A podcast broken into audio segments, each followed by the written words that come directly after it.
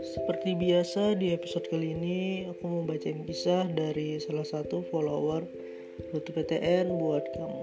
Semoga kisah yang aku bacain ini bisa menginspirasi kamu ya. Aku nggak tahu lagi mau bilang makasihnya gimana ke ibuku. Awal kelas 12 masih bingung mau ke mana di awal-awal masih banyak bimbel pada datang ke sekolah buat promosi. Aku nggak ada niatan buat bimbel, cuma punya niat bimbel di matematika aja. Suatu hari ada bimbel yang datang, tapi bimbel kedinasan ngadain workshop. Akhirnya aku datang sama ayah waktu itu ayah nggak ngebolehin soalnya juga itu kan nggak pasti masuk juga. Dan biayanya pun belasan juta. Dan di situ ayahku nggak sanggup soalnya gajinya juga nggak sampai segitu. Sampai rumah aku cerita ke ibuku dan di luar dugaan ibuku nyuruh aku daftar bimbel itu. Dan siap biayain walaupun ayah nggak tahu Mulai dari situ aku niat buat masuk stan. Aku belajarnya siang malam. Aku bagi waktu bimbelku karena aku cuma mau buktiin ke ibuku. Nah, singkat cerita aku termasuk 40% senam BTN. Tapi sayangnya nggak keterima. Aku sempet down di situ dan aku juga nggak ada persiapan buat SBMPTN Orang pertama yang ngasih dukungan ke aku adalah ibuku. Ibuku cuma bilang mungkin belum rezekinya. Semangat belajar buat stan. Aku semakin giat belajar dan aku udah nyiapin buat tes fisiknya. Aku lari tiap hari buat latihan aja. Dan ternyata pandemi datang. Un ditiadakan, isu-isu di mana-mana Waktu itu masih anget-angetnya soal kabar Stan gak buka pendaftaran. Gak tahu kenapa di kepalaku cuma pikiran positif aja terus.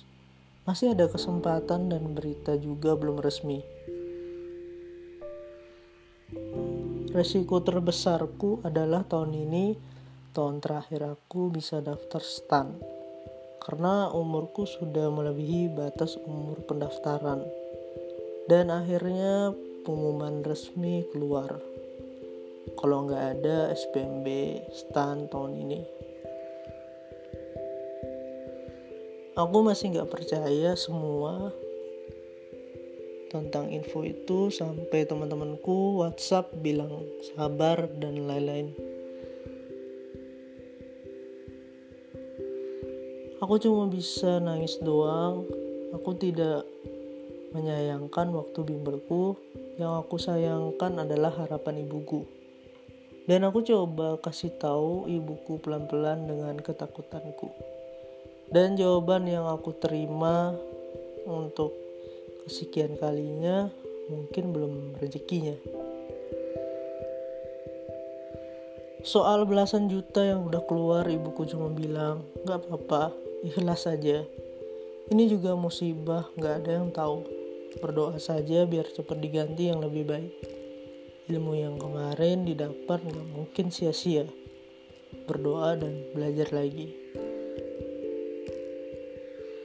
Yang bikin aku kecewa adalah sebelum perang udah kalah duluan. Dan akhirnya aku ikut UTBK. Aku ikut seleksi mandiri, negeri, dan swasta. Dan aku ikut tes kedinasan selain STAN semua itu udah aku lakuin aku udah berusaha berdoa dan sekarang tinggal serahkan kepada Allah jalan yang Allah berikan. Semoga menjadi yang terbaik. Pengorbanan seorang ibu yang bilang anaknya bakal sukses dan ingin anaknya sukses terus anaknya bisa kuliah sampai relain apa pun yang penting anaknya bisa berhasil. Semoga di tahun ini aku bisa ngasih kabar ke ibuku kalau aku diterima di salah satu perguruan tinggi yang aku daftar. Doa orang tua, terutama ibu, sangat-sangat berarti.